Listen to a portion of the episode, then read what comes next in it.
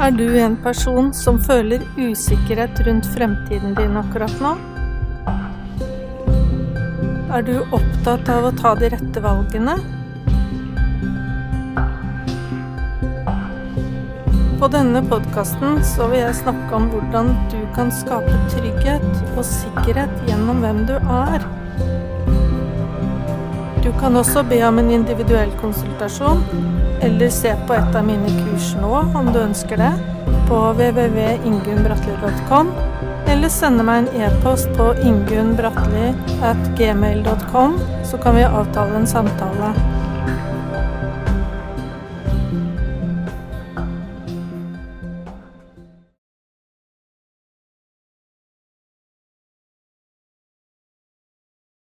I denne podkastepisoden så er tema varsling. Varsling er et ganske stort område.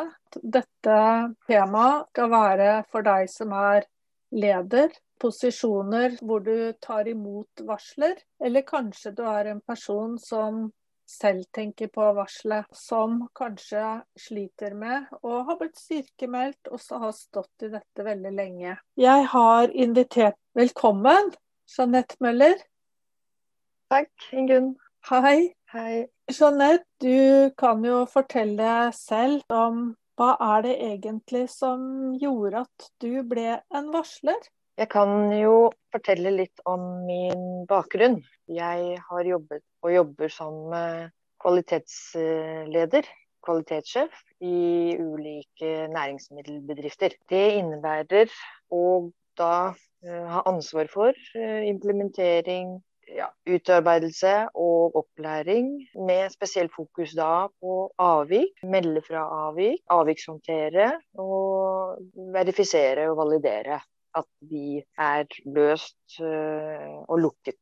Det er innledningen til at jeg da har et særskilt ansvar å varsle, melde avvik, påse at rutiner, regler, ja, forskrifter blir fulgt i henhold til den bransjen vi er i, da.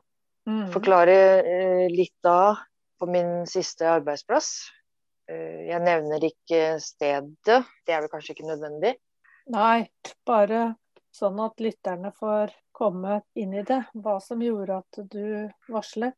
Ja, det startet ganske raskt etter at jeg eh, begynte i stillingen. Jeg hadde ansvar for to anlegg på Hedmarken og ett i, i, Oslo. Så ganske tidlig at her gjorde vi ikke det vi eh, lovet og det som ble skrevet. Det ble eh, tilpasset hverdagen, tilpasset som vi alltid har gjort det. Det er ingen som vil finne ut av det.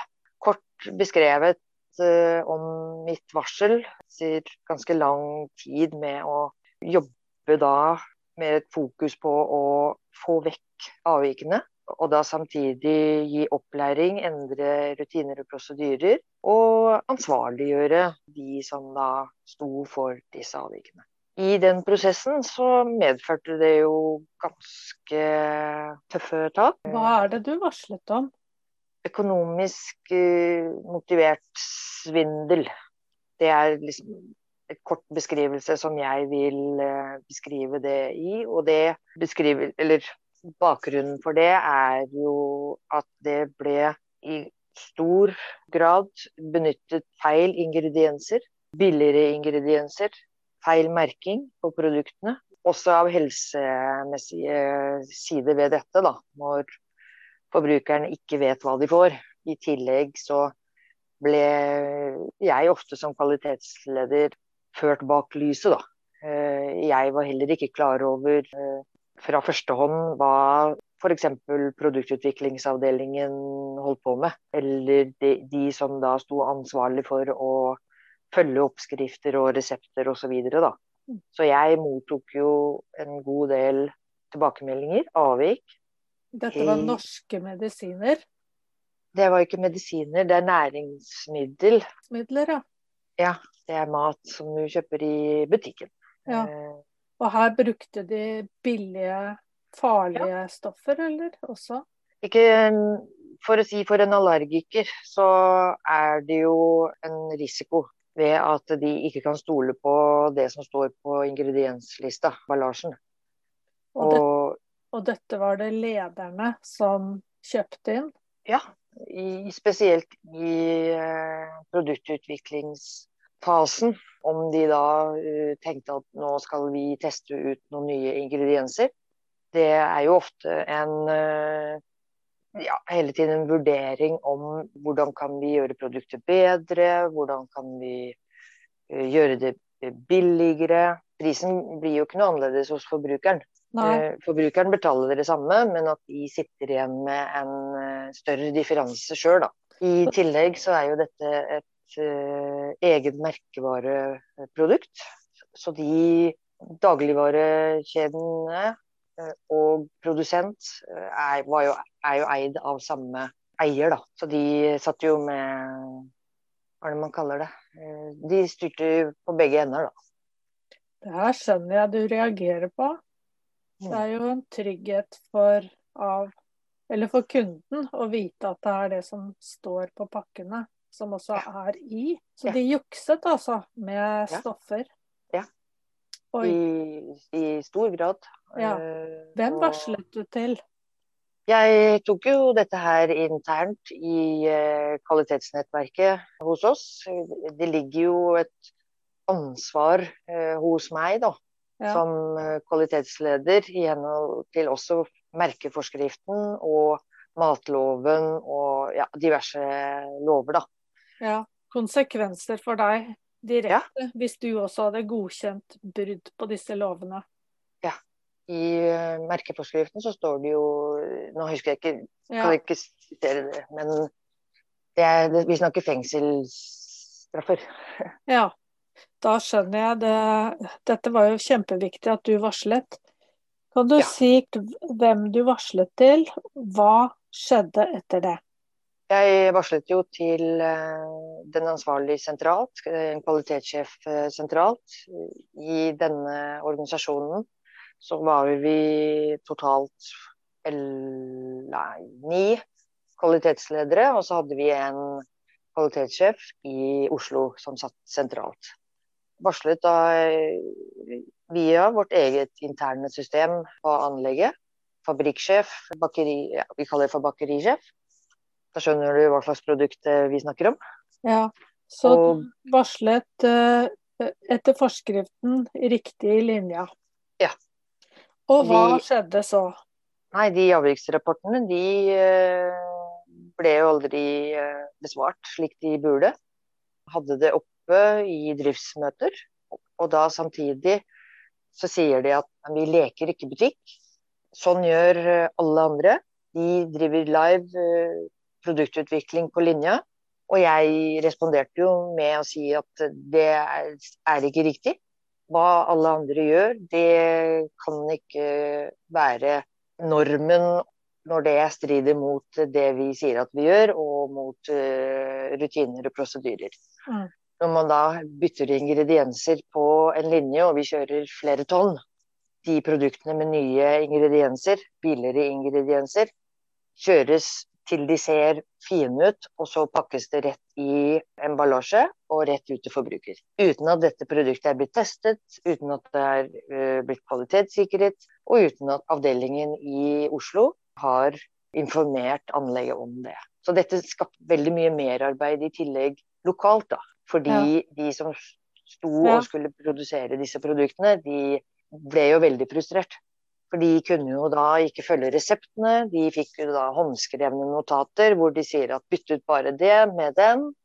Jeg har jo fått beskrevet da, og ja. har jo fått verifisert senere, at en av eh, det hadde et av, Kort sagt så hadde det også et arbeidsmiljøkonsekvens.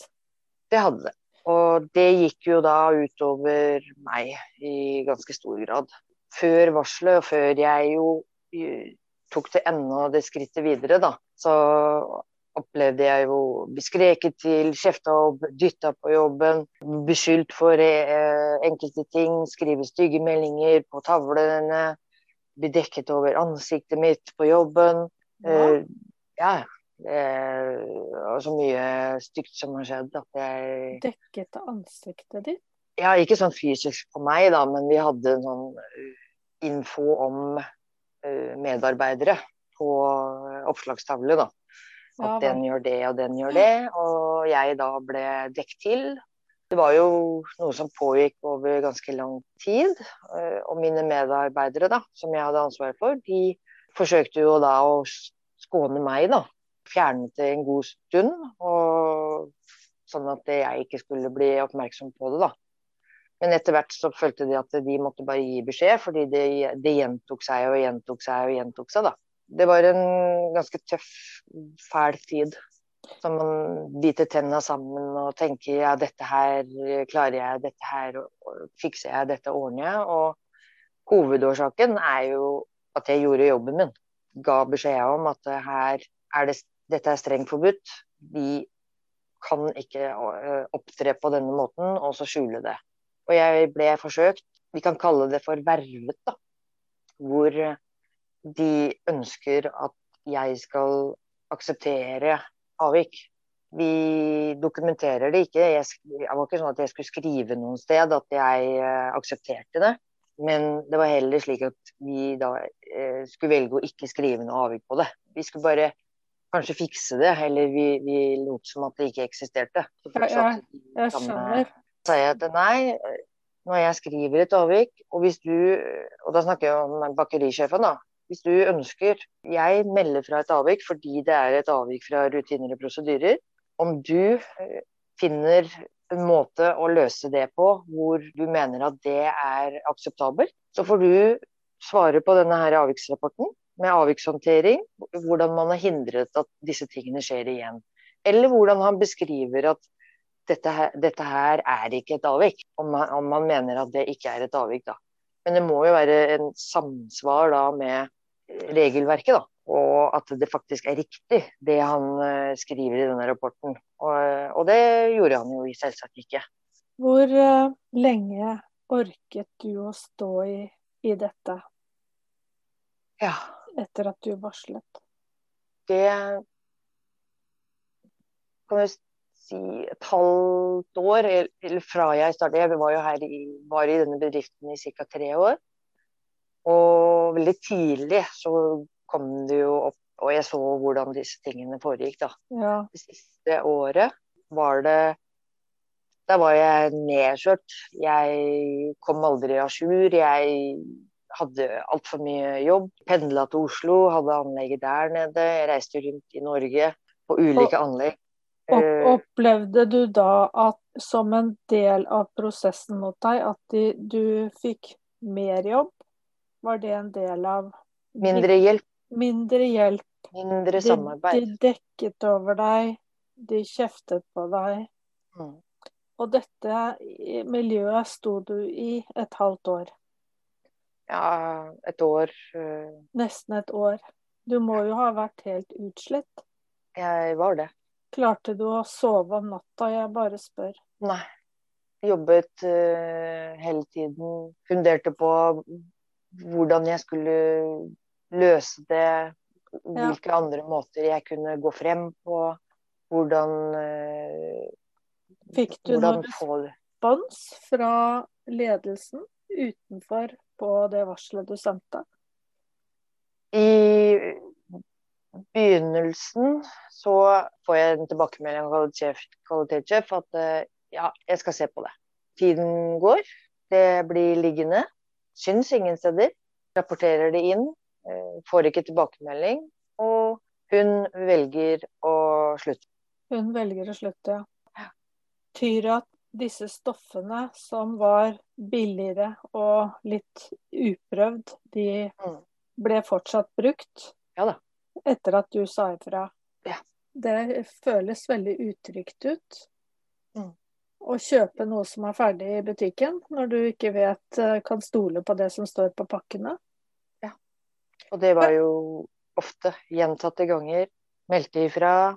De kjørte det rett ut i butikk. I enkelte tilfeller så kan man be om dis dispensjon. Ja, Om man velger en slik strategi ja.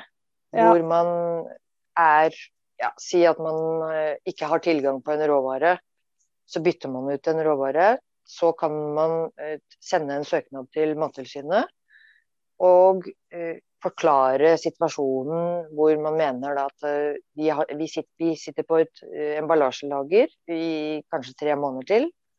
Og så har vi gjort disse endringene osv. Man har tatt høyde risikovurdert i forhold til allergener.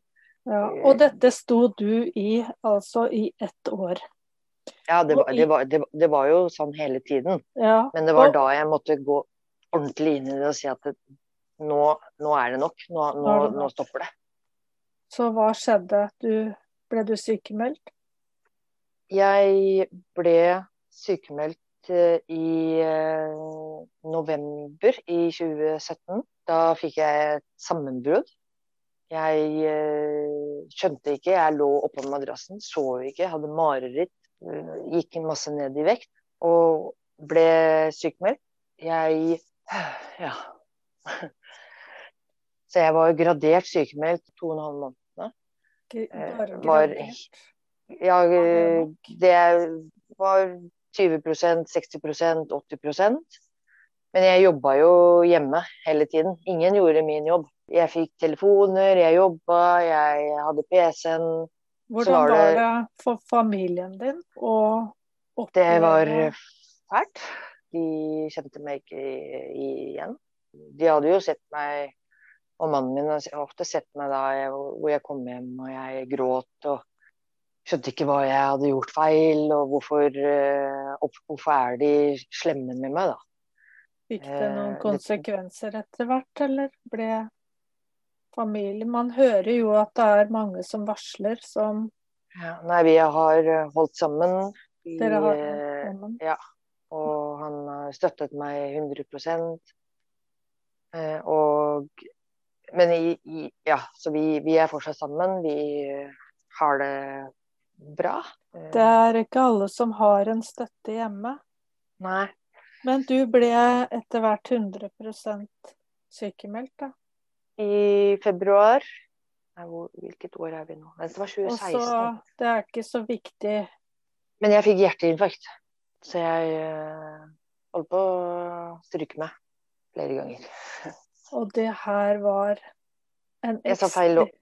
Ja, det var to og en halv måned etter at jeg da ble, var eh, sykemeldt.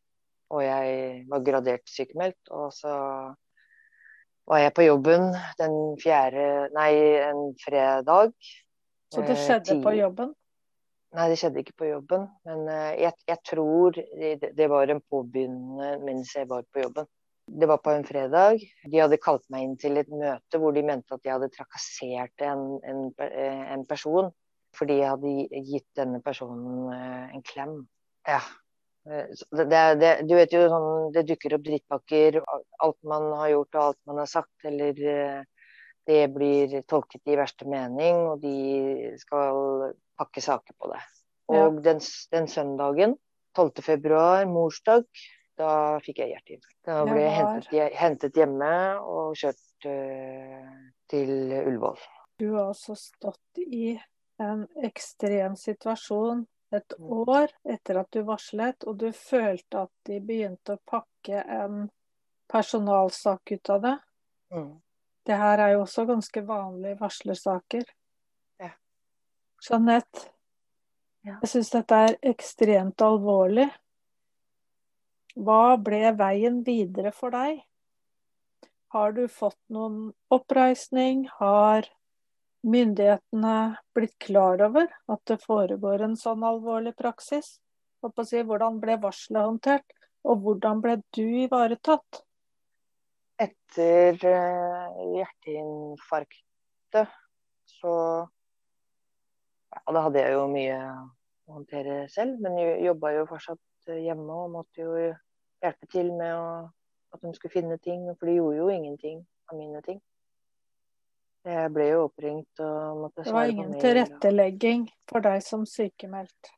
Nei, ingenting. Nei, ingenting. Og, det, er, og, det, i seg selv er jo et lovbrudd. Ja. De kontaktet i, i tillegg, eh, sendte en oppfølgingsplan til Nav uten at jeg eh, hadde deltatt på den. skal, dette er jo noe man skal gjøre i samarbeid eh, med hverandre. Det er jo med deg, det er jo du som skal ha den. Det gjorde de ikke.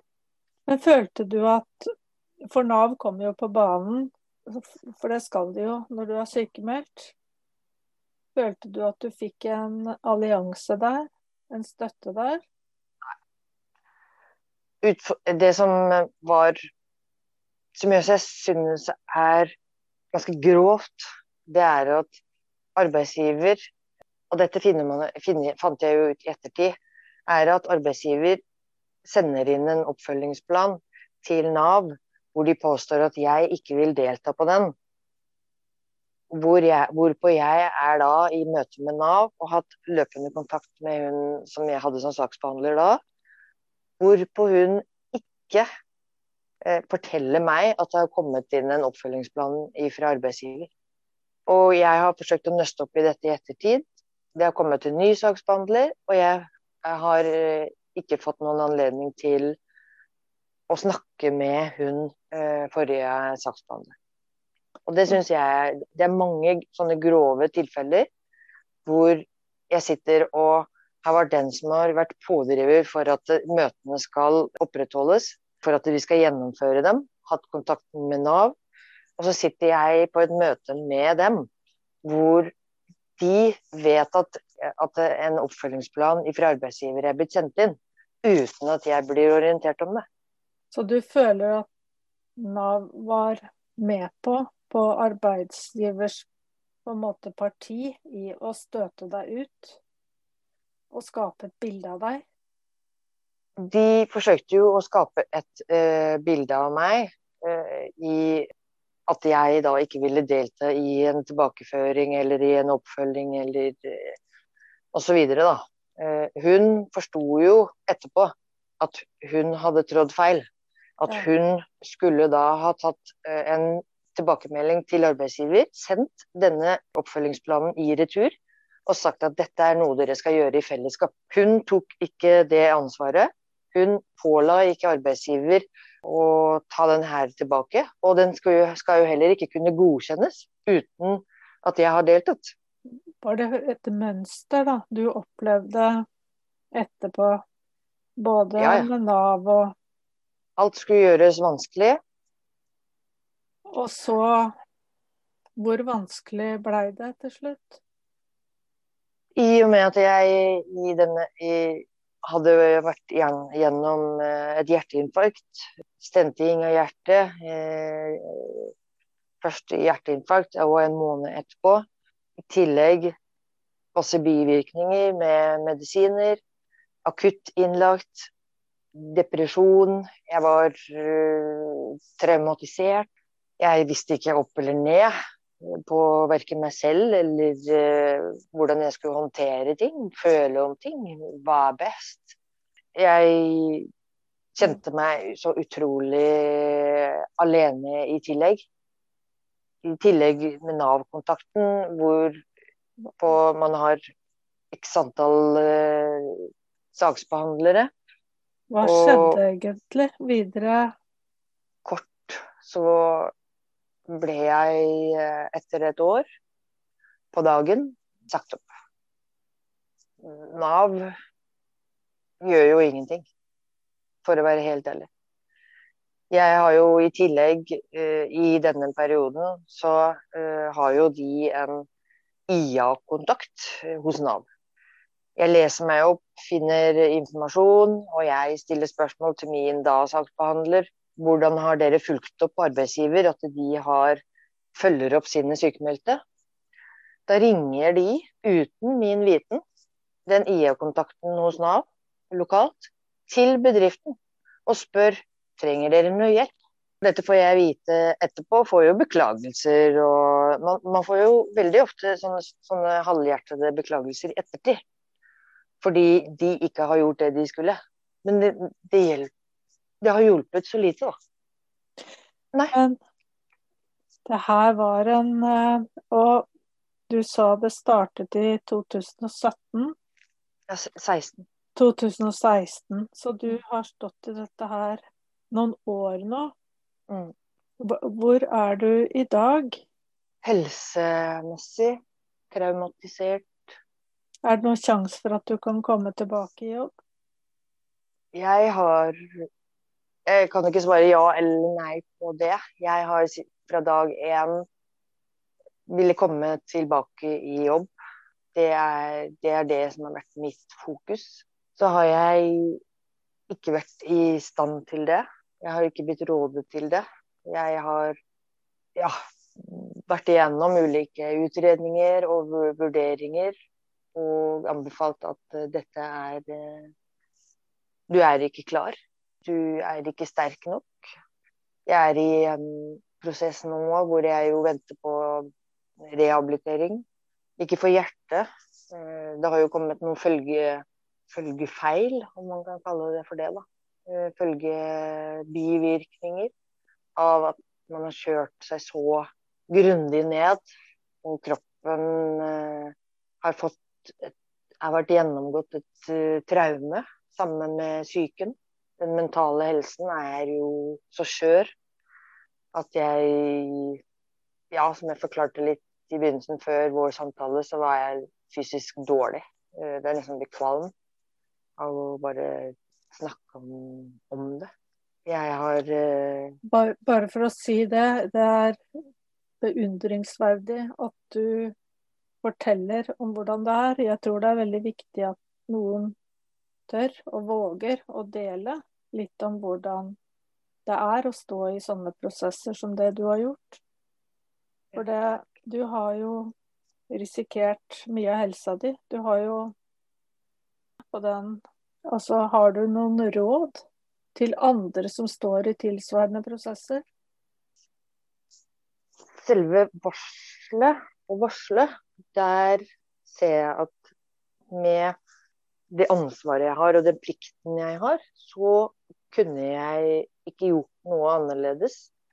Sett, bortsett fra at jeg kunne blitt med og på, bløffen, da, på svindelen. Ja, det er sikkert veldig mange som kanskje går den veien der, fordi det er for tøft. Det er for stor belastning. Motkreftene er for store. Ja. Å, å stå i eh, en varslersak alene. Jeg angrer jo ikke på varselet, og jeg vil si til og sier til de fleste at jeg ville gjort det igjen det var ikke noe alternativ å velge å ikke gjøre det, det riktig, da. Mm. Samtidig eh, så tenker jeg at en bevisstgjøring på at man skal varsle, skal ikke akseptere, det er å være så ikke, ikke skråsikker, men tydelig på å følge rutinene jeg hører at du fortsatt har eh, engasjementet ja. og verdiene med deg. Men jeg er også opptatt av deg som person. Fordi du har eh, Det har gått på bekostning av helsen din. Ja. For for meg så høres det ut som du har blitt bærer av eh, hele ansvaret. Som et ansvar som ikke var ditt. Mm at du har påtatt deg ansvar for arbeidsgiverens feil. At det var deg det gikk utover. Mm. Jeg ser det. Ha, har du noen råd, sånn hvis vi skal oppsummere til slutt? Ja, som jeg nevnte, det er å, å eh, det, det, er vanskelig å få gjennomført det uten at bedriften har et vel, eh, velfungerende eh, avvikssystem eller varslingssystem. Ja. Og undersøk så godt som det er mulig i forkant. I mitt tilfelle, da, så er det vanskelig å, å, involvere så veldig mange andre, i og med at dette ligger eh, eh, Dette er mitt ansvar. Jeg blir selvsagt den som blir synlig når andre vil eh, gjemme det bort. Terskelen for å ikke ta mannen, eh, men saken. Og det det er så mye menneskelige faktorer her som avgjør om en varslingssak blir håndtert på en god måte. Ja. Og at, de, da ikke, og da at de ikke heller er redde for sin egen posisjon ved at de avstår eller ignorerer eller ikke ønsker å gå inn i saker i frykt for seg selv. Ja. Jeg kunne fortalt mer også med hjelpeapparatet, med fag, fagbevegelsen. ja, det er et stort kapittel, det også. Men Ja.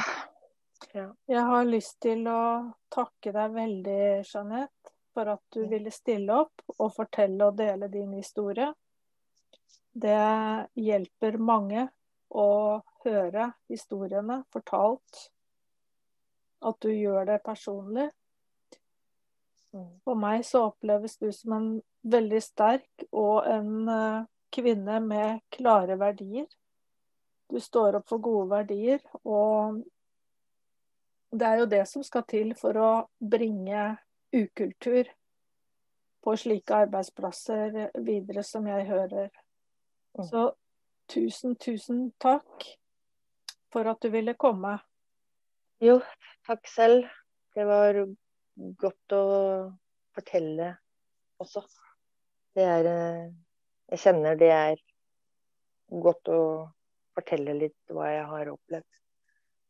Og føle litt på Ja. Jeg er ikke, jeg er ikke kommet så langt ennå, dessverre.